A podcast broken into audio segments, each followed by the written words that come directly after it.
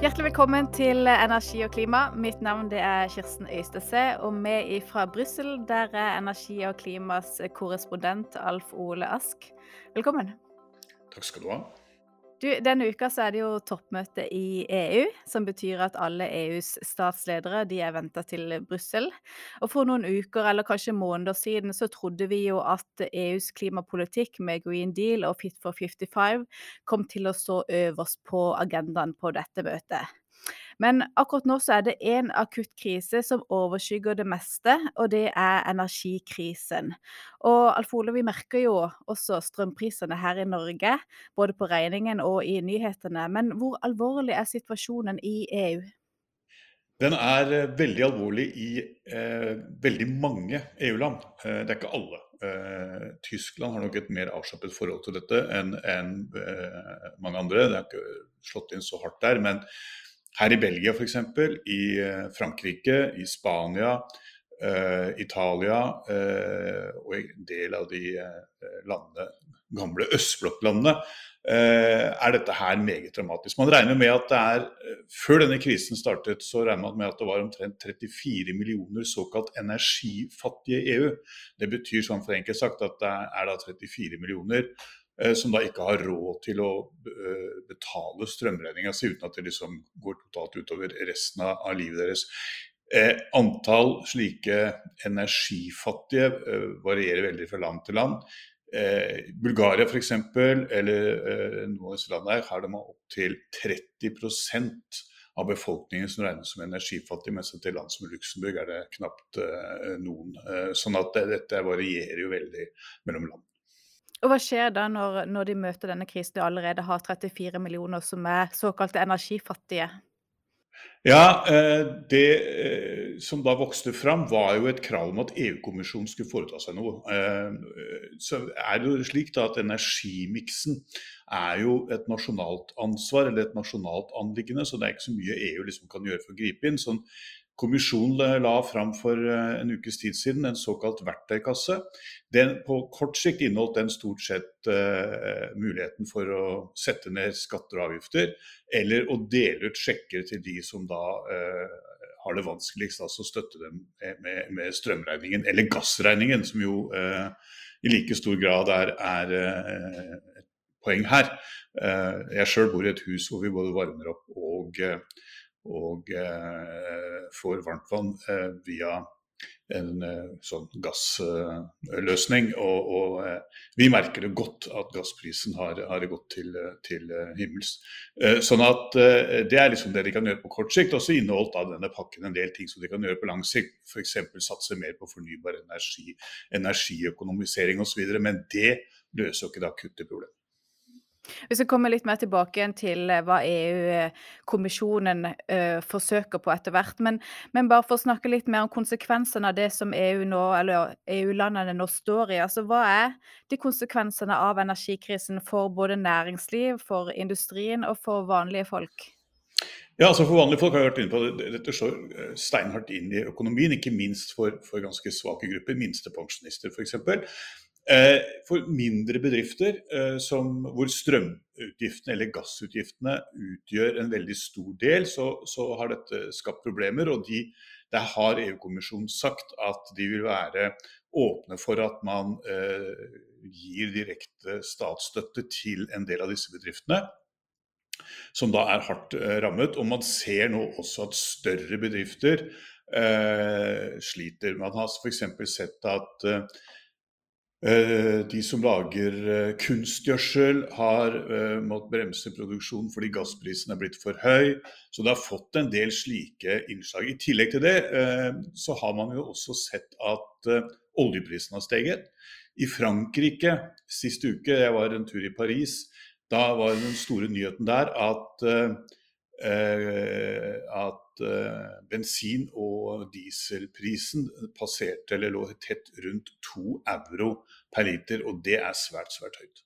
De høye bensin- og dieselprisene var jo avgjørende for eh, de gule vester-aksjonene som vi så i, i 2018. Er det fare for at vi vil se de samme opptøyene nå? Ja, det er jo noe av det som man frykter, særlig i Frankrike, da hvor de gule vestene er mest kjent. Men det fins jo den type sosiale opprør i flere eh, EU-land. Men det er klart at eh, det er, er noe både EU og, og, særlig Frankrike, som da jo skal ha presidentvalg og valg på nasjonalforsamling til våren, eh, samtidig som de jo har det roterende formannskapet i EU, og som skal uh, forsøke å gjennomføre da, eller få vedtatt da, disse Fit for 55-pakkene. Og Hvilke andre land er det fare for at man, man kan se protester mot uh, energikrisen?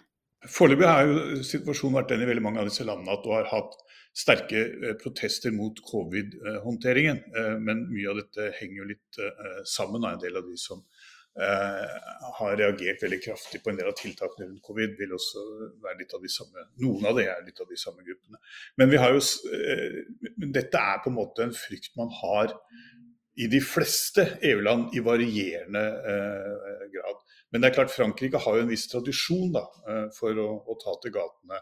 Eh, men, men, det er klart, sånn som Spania f.eks., eh, hvor, hvor, denne energikrisen har slått veldig hardt inn, så, så er man klart man er det. Og, og EU-kommisjonen er jo engstelig og har jo adressert, som dette på EU-språket, dette med faren for et sånt sosialt opprør. og understreket veldig at det grønne skiftet skal være sosialt. Og det er klart at De enorme økningene i gass- og elprisen som du har hatt nå, undergraver på en måte den argumentasjonen. Og disse høye prisene altså de skyldes jo bl.a. at Europa først eh, opplevde en kald vinter, og da de måtte bruke mye energi til oppvarming. Så kom det en varm og tørr sommer der de måtte bruke mye energi til eh, kjøling. Og så har økonomien og etterspørselen etter, etter energi tatt seg opp igjen etter korona, samtidig som at vi har lave gasslagre, og det er særlig Asias etterspørsel etter gass som, som har økt mye. Er det noen eller noe som forskylder skylden for situasjoner som europeerne nå har havna i? Ja, eh, Det er jo slik at man legger ansvaret på det på en måte litt der hvor du står, da. ikke sant? Eh, I tillegg til det du nevnte nå, så, er det klart at man har også sett at høye kvotepriser eh, også har ført til at man har gått fra kull til gass. Og Det gjør at de som er imot den, det grønne skiftet f.eks., skylder på EUs klimapolitikk. At den har vært en sterk medvirkende årsak. Det fins folk som da skylder på russerne fordi de ikke eksporterer mer enn de akkurat må av gass.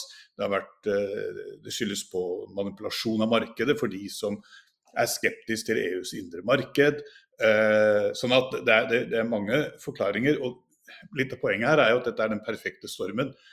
Alle de tingene her har jo bidratt til å dra, dra, dette opp. Og i tillegg til det så altså EU er jo helt avhengig av import av gass. Altså 90% av den gassen som svis av i EU-land, importeres.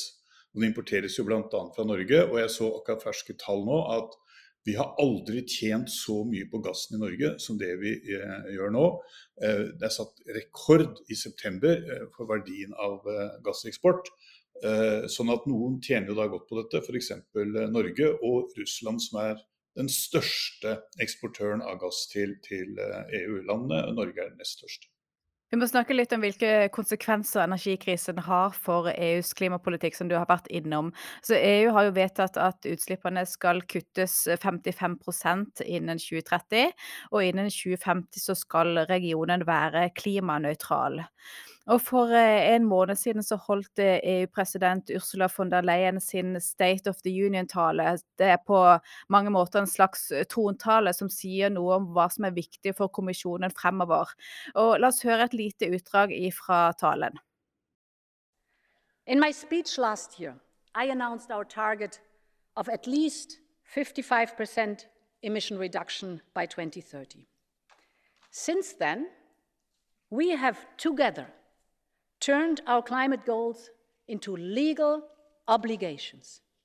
And we are the first major economy to present comprehensive legislation in order to get it done. You've seen the complexity of the detail, but the goal is simple. We will put a price on pollution. We will clean the energy we use. We will have smarter cars and cleaner airplanes and we will make sure that higher climate ambition comes with more social ambition, because this must be a fair green transition. Ursula von der Leyen sa altså for en måned siden at eh, høye klimaambisjoner også skal komme sammen med sosiale ambisjoner, altså at den grønne omstillingen må være rettferdig. Og klarer EU-kommisjonen å vise at de mener alvor med sine sosiale ambisjoner, nå som de har fått denne energikrisa i fanget? Ja, Det er jo det store spørsmålet, eh, men det er de jo nødt til. Altså, eh, De får ikke til dette grønne skiftet hvis de ikke får med seg folk. Og det er, og det er jo dette, altså Da de la fram 55-pakken i juli, så understreket jo både Frans Timmermans, som er den eh, visepresident i kommisjonen, som leder arbeidet med det grønne skiftet, og kommisjonspresident Ursula von Leyen akkurat det samme som det hun sa i State of the Union-talen seinere i høst.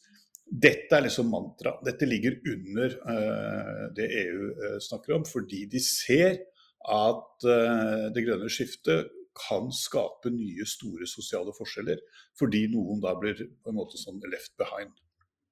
Så dette er, er et, en stor greie. Og det er klart at den økningen de har fått i energiprisene nå, også ut fra hva kommisjonen selv sier, kommer til å vare til april. Det kommer til å høye energipriser helt fram til april. Og hvis vi får en eh, kald vinter, så kan dette bli ganske dramatisk. Og da blir det veldig vanskelig for kommisjonen å komme til folk flest og si at eh, de skal eh, øke CO2-avgiftene som vil sende bensinprisen enda høyere. At de skal ha noe som er veldig omstridt. At de skal ha bygg innenfor et slags kvotesystem som gjør at oppvarmingen kommer til å bli dyrere. Eh, det kommer til å bli tungt å bære frem. Og det ser vi allerede nå. Eh, I eh, de høringer, møter som har vært i parlamentet og som vi har vært til stede på, så er dette her tema hele tiden. Og de la jo fram en, en verktøykasse forrige uke, men har de egentlig noe verktøy som, som klarer å håndtere dette? Nei, det er det korte og enkle svaret på det. De har jo ikke det. Fordi at eh, Kommisjonen på sin side er veldig opptatt av at man skal beskytte det indre markedet. Fordi de mener at det på sikt har tjent forbrukerne eh, bra. Vi har hatt lange perioder med lave energipriser. Og at det man liksom ser nå er et, er et sånn utslag og en resultat av mange uheldige omstendigheter. Eh, og På den andre siden er det da nasjonale regjeringer som presses av sin befolkning, og som vil ha tiltak. og det kommisjonen har lagt fram, eh, er jo muligheten til, som jeg sa innledningsvis, statsstøtte, muligheten til å skrive ut sjekker. Men dette skal skje innenfor rammen av eh, det indre marked, sånn at man ikke forstyrrer det. Sånn at det er klare begrensninger på hva man kan gjøre. Så, så det, er, det, er, liksom ikke noen fix på, på dette her som løser eh, denne saken til jul, for å si det sånn. Og så var du inne på at eh, energifattigdommen og energikrisen som vi ser nå, den treffer jo ulikt i ulike land. Klarer EU å stå sammen om løsningene? Det kommer jo dette toppmøtet i slutten av denne uken til å gi oss en mye bedre pekepinn på, for da vil jo eh, dette komme eh, på bordet. Man vet jo fra, fra de veldig forsiktige og innledende drøftinger som har vært i Ministerrådet f.eks., Eh, blant miljøministrene at det var veldig stor skepsis til den delen av denne Fit for 55-pakken som innebærer eh, at man skal eh, ha en slags kvoteordning for bygninger. Sånn at det er nok en større fare for sånn cherry-picking, og at deler av denne pakken får større problemer med å gå gjennom. Eh, den skal jo passere både Europaparlamentet og ministerrådet, som, også, ministerrådet, som da også er medlemslandene. Og de to institusjonene skal bli enige. Eh, og det er langt fram dit. Og det har ikke blitt kortere med tanke på denne energikrisen. Så energikrisen kan eh, både forsinke og kanskje også svekke klimapolitikken? Det gjenstår å se. Eh, det blir interessant på, det toppmøtet som er nå. for Da vil man få noen, eh, noen signaler om hvor landet legger seg eh, osv. Liksom, altså EU har jo, For å sukre hele denne pillen, så har EU-kommisjonen foreslått et stort sånn sosialt fond på over 70 milliarder euro. De foreløpige drøftingene rundt det fondet viser at det er ingen stor entusiasme blant de medlemslandene som betaler for EU-gildet, for å si det sånn. De som er netto bidragsyter. Eh, sånn som f.eks. Sverige eh, er skeptisk til liksom enda et sånt stort fond. Fordi, eh, som en svensk diplomat sa, vi vet jo hvem det er som må plukke opp regninga til slutt. Eh, og det er klart at etter covid-epidemien og, og, og, slik, så, så, har jo medlemslandene en, et mindre økonomisk handlingsrom. Eh, og, dette, det, og det spiller jo også inn. 14.7 så la jo EU-kommisjonen frem sin store politikkpakke som vi har vært innom, altså Fit for 55 med ny og forsterka politikk som skal sørge for at EU kutter utslippene med 55% innen 2030. Hva har egentlig skjedd med Fit for 55 siden uh, juli? Nei, Så langt svært lite. for Først så kom den pakken, og så gikk jo uh, hele EU på ferie. og den varte jo til september. Uh, og sånn at man har så vidt begynt liksom, de første forpostfektningene eh, både i parlamentet. Man har utstedt, utsett eh, de som skal eh, være saksordfører, eller rapportør, som det heter på, på eh, fransk i parlamentet. Eh, og man har liksom så vidt begynt å, å, å, å åpne denne pakken i, i ministerrådet. Men, men, så man er kommet uh, veldig kort. Men det, det, er for så vidt ikke overraskende. Det er en prosess som, som, har mange sånne formelle sider før den kommer ordentlig i gang. Eh, så, så, det er jo ikke kommet noe særlig langt når det gjelder substansen, men det var for så vidt ikke ventet heller. Det er jo slik i, i EU at eh, nå har vi det slovenske formannskapet. Slovenia er et lite land. Det var ikke ventet at de skulle få til all verden før nyttår, og så kommer franskmennene. og Det blir veldig spennende å se franskmennene, hvordan franskmennene håndterer dette, samtidig som de skal ha et valg. Og Hva er det som, eh, som blir det viktigste når vi skal følge Fit for 55 videre nå i, i nærmeste fremtid? Ja, altså eh, si, Spør du kommisjonen, så er de veldig opptatt av at dette er en pakke, og at helheten at det, liksom, eh, det er litt sånn, De prøver seg på en litt sånn take it or leave it, hadde jeg nær sagt. Eh, og mener at man, eh, at, man, er nødt til å, til å, til å eh, Hvis man tar vekk en bit, så må man stramme inn et annet sted osv. fordi at man skal nå disse klimamålene. Klimamålene er jo vedtatt.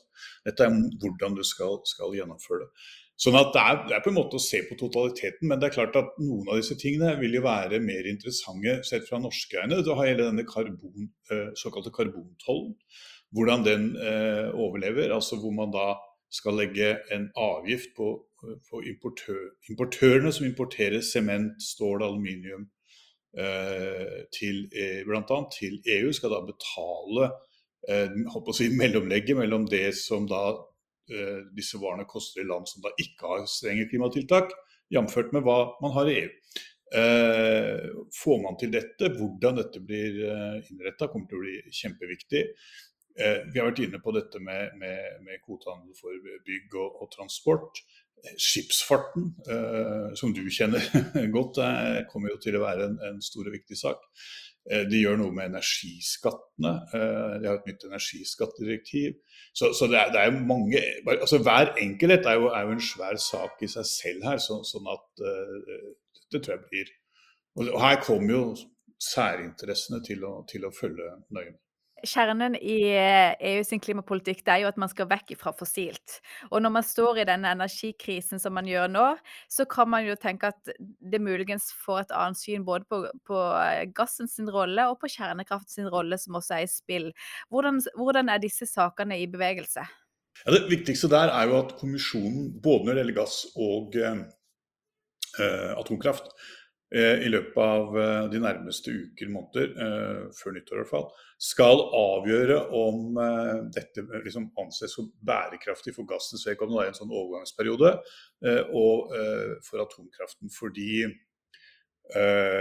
dette har på en måte medlemslandene og parlamentet overlatt i et sånt kompromiss, som de gjorde i sommer, overlatt til, til kommisjonen. Det pågår eh, en dragkamp eh, om gassen, eh, selvfølgelig, eh, som hardner til. Jeg har sett en del eh, organisasjoner, miljøorganisasjoner, klimaorganisasjoner som sier at det vil være i strid med EUs traktat å, godkjenne gassen som en, eh, som en grønn overgangsenergi. Når det gjelder atomkraften, så er, er, det, er, det er svært interessant. Fordi det startet for noen måneder siden med at syv EU-land skrev til kommisjonen, bl.a. Anført, anført av Frankrike, at man måtte ha atomkraft som da, en av de energiformene som vil bringe man fram til, til et nullutslippssamfunn. Så er det da ganske mange EU-land, bl.a. Tyskland, som da har utfaset, eller er i ferd med helt utfase sin atomkraft, som har et helt annet syn på det. Og dette kommer til å bli en, en, en veldig het sak eh, framover. Fordi eh, her i Belgia f.eks. så har man nå en diskusjon om å utsette utfasingen av atomkraften. Eh, I kjølvannet bl.a. av den energikrisen man nå ser. Nå er det vokst til ti EU-land som eh, vil slå ring om eh, atomkraften. Eh, så dette kommer til å bli en, en heit uh, sak fremover. Og jeg tror det er denne energikrisen har nok ført til uh, at atomkraften har fått et bedre rykte, for å si det sånn, enn det den hadde. og det er veldig mange som tror at kommisjonen kommer til å lene seg over og si at at uh, Om de da kommer til å gjøre det sånn at dette på en måte blir en del av taksonomien, og dermed får tilgang på, på uh, den type finansiering som sånne tiltak uh, får, gjenstår å se. Men Timmermans, som leder arbeidet med det grønne skiftet, var i Bulgaria sist uke. Og der eh, sa han jo rett til bulgarske myndigheter at de heller burde fyre opp et eh, atomkraftverk de har stående, Eh, enn å fortsette å bruke kull, slik at de kunne fase ut, uh, ut kullen. De har en ganske stor andel kull. Så, så det kommer til å bli en, eh, en, meget interessant diskusjon om kjernekraftens rolle i eh, det grønne skiftet framover i EU. Og den, der kommer franskmennene, som nå blir for formannskapet i EU, til å spille en helt avgjørende rolle. fordi Frankrike har ikke bare 70% av elforsyningen sin som atomkraft, hvilket er den høyeste andelen i verden. Det er også det landet som har den største kjernekraftindustrien, altså som produserer kjernekraftanlegg. Sånn at Frankrike har liksom både offensive og nær sagt defensive interesser i atomkraftsaken. Og konsekvensene altså av å bli, bli, klassifisert som en bærekraftig investering, det er jo da muligheten for å få tilgang på kapital både for kjernekraft sin del og for gasskraftindustrien. Ja, det er absolutt. For, og det betyr f.eks. at man da får finansiert altså Det er satt til strid når det gjelder gass, og en del av disse eh, gassanleggene, rørledninger, eh, den type ting. Eh, om det på en måte er et prosjekt av fellesskapets, eh, ja, som tjener det europeiske fellesskapet, da, for å si det sånn høytidelig. Eh, og Der har det vært en del sånn diskusjoner eh, rundt noen sånne eh, prosjekter. og det er klart at, at det der vil være viktig for, for, eh, for den industrien. og for for Et av problemene med å bygge atomkraft i dag, det er jo at det er himla dyrt å bygge. Når det først er i gang, så er, jo ikke, så ikke kjernekraften så dyr i seg. Men, men du skal dra med deg noen enorme kapitalkostnader som skal, som skal tilbakebetales. Eh, og det har jo vist seg da å, å, være veldig vanskelig å gjøre i Vesten. Det er mange som planlegger eh, også atomkraftverk her, men, men, det tar veldig lang tid å bygge dem. Og det, og det er eh, svindyrt. Men det er klart at får, og det har jo atomlobbyen selv sagt, at får man da tilgang til finansiering eh, som en del av det grønne skiftet, så åpner dette helt eh, andre muligheter. Og jeg har sett at atomlobbyen, da, for å kalle den det, her i Brussel var veldig skuffet over denne verktøykassen til kommisjonen. At ikke den da pekte på hvilken rolle nettopp atomkraften kunne spille. Den sier mye om satsing på mer fornybar og, og for å nærmest Eh, da eh, investere seg litt ut av denne avhengigheten av import av energi. Men eh, de sier da ingenting om, om atomkraft, antageligvis fordi de ikke ønsker å åpne den boksen før de må. Og her står jo da Frankrike på den ene siden og Tyskland på den andre siden, og Frankrike har i hvert fall ti eller ni andre nasjoner med seg. Hva er det som kommer til å avgjøre hvem som, hvem som vinner den kampen? Ja, hadde jeg visst det, så. Nei, det, det, det, dette her kommer til å Altså, det kommisjonen skal gjøre, er på en måte å klargjøre om, eh, om det er sikkert da, med atomkraft. Og de har jo fått tre tror jeg det er, tekniske rapporter fra eksperter som sier at den atomkraften man har nå, den er sikker. Man kan lagre avfallet osv. Så og, og sånn, sånn at det er liksom ikke eh, de tekniske hindringer fra å, å bruke den. Eh, så gjenstår det å se hva de, hva de, faller ned på. Det er helt klart at det lobbes fra, fra alle kanter. Og denne kraft- og eh, gasskrisen du har nå med disse skyhøye prisene, eh, vil nok i mange av de landene som har atomkraft, eh, ha styrket atomkraften. Altså For Frankrike er jo dette på en måte en litt sånn Hvis EU midt under en valgkamp skulle liksom komme og, og si at atomkraften blir bannlyst. Altså I dag er, er, jo liksom EUs holdning at det er opp til hvert medlemsland om du vil ha atomkraft eller ikke. Og, uh, og, EU har på en måte lagt til rette for atomkraft. Uh, men da vil det jo bli, eh, bli i et valgår i Frankrike, det vil jo bli, bli store bruduljer. Altså. For Norges del så er det jo eh, har større betydning hvordan EU lander når det gjelder gassen enn når det gjelder kjernekraften. Hvor avgjørende er det for Norge om eh, gass klassifiseres som en bærekraftig overgangsteknologi eller ikke? Det er nok, eh, det er nok svært viktig, men eh, tror jeg. Eh, kanskje ikke sånn umiddelbart, for akkurat nå så, så har jo Norge økt For det neste gassåret som startet 1.10, så har jo Norge økt Eh, eksporten til EU med et par milliarder kubikkmeter. Og eh, hele EUs ledelse har jo stått opp og bukket og takket fordi at dette hjelper dem å Ellers ville gassprisen vært enda høyere. Eh, så det, er jo litt merkelig da, å se at EU liksom driver helt til å snakke om å, å, utfase gass, samtidig som de da trygler om mer gass akkurat nå. Så, så, så det der er, er, jo et, er, jo et, spørsmål. fordi Det er ikke noe tvil om at EU har som mål i 2050 at da skal det knapt være gass Eh, brukt her, med mindre det liksom eh, da er med CO2-rensing, eh, gjort om til hydrogen, whatsoever. Men, men, hva som skal skje mellom dagen i dag og 2050, og hvordan dette skal fases ut, sånn som energimarkedet ser ut i, i EU nå, det, det, er, det, er, det store spørsmålet. Og jeg tror det også kommer til å bli trøblete for, for kommisjonen å komme ut og være for antigass i år, når de, når de samtidig Eh, ønsker at russerne skal eksportere mer, er glad for at nordmennene skrur opp kranene eh, maksimalt. Eh, ja, det er en interessant øvelse. Hva er det EU-kommisjonen må levere de nærmeste ukene og månedene for å vise at de klarer å håndtere både energikrisen og samtidig som de styrer mot klimamålene? Nei, altså de, de, må, de må, Folk må ha en tillit til at de klarer å gjøre dette på en noenlunde sosial måte som ikke skaper eh, for store eh, problemer. Samtidig som man jo vet, eh, dette har jo du og jeg vært inne på før, altså dette kommer til å gjøre vondt. Altså Skal du omstille dette samfunnet, så kommer det til å, til å, til å kjennes. Og, og, sånn at det, det, det, det, er ikke til å unngå.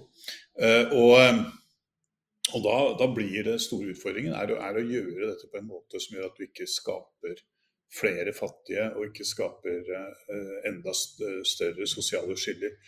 Eh, samtidig så må de jo også nærme seg at de når målene. Det er jo helt avgjørende. Eh, og det kommer til å være helt avgjørende for von der Leyens ettermæle også. Hun skal jo gjenvelges som kommisjonspresident. Nå er det regjeringsskifte i Tyskland. Hun, har fått sin tid, hun var jo forsvarsminister, og nå er jo hennes tidligere kollega eh, som eh, Olaf eh, som nå overtar som, som forbundskansler, slik det nå ser ut. Og det er klart at det betyr jo at hun ikke lenger har forbundskansleren, altså Angela Merkel, i ryggen. Det, hun, Merkel har jo vært hennes mentor, kan man på mange måter si. Og det at hun liksom har hatt en sånn direkte linje til, til, Europas mektigste politiker har jo styrket henne også. Det kommer det ikke til å være. Det er klart Dette toppmøtet kan bli eh, også Angela Merkels siste kveld med gjengen. Eh, det kan være siste gang hun er på et, uh, et EU-toppmøte. Det er jo litt interessant at eh, da hun ble valgt til kansler i 2005, så lå jo EU eh, nede eh, etter at man hadde stemt ned denne grunnloven i Frankrike og Nederland. Eh, og da var det på mange måter Det hun tok tak i, var jo miljø- og klimapolitikken som hun løftet. og når hun da går av etter å ha sittet eh, jeg på å si nesten en mannsalder, så, så er det liksom mye av de samme problemstillingene som, som da, da, eh, preger det. Men, men, i løpet av de årene har jo EU blitt en eh, helt annen faktor i klima- og miljødiskusjonen i verden enn det det var da, da hun startet. Jeg vil Ursula von der Leyen få det vanskeligere uten Angela Merkel? Ja, det tror jeg. Det tror jeg. Og hun er avhengig av å lykkes for å bli eh, gjenoppnevnt eller gjenvalgt.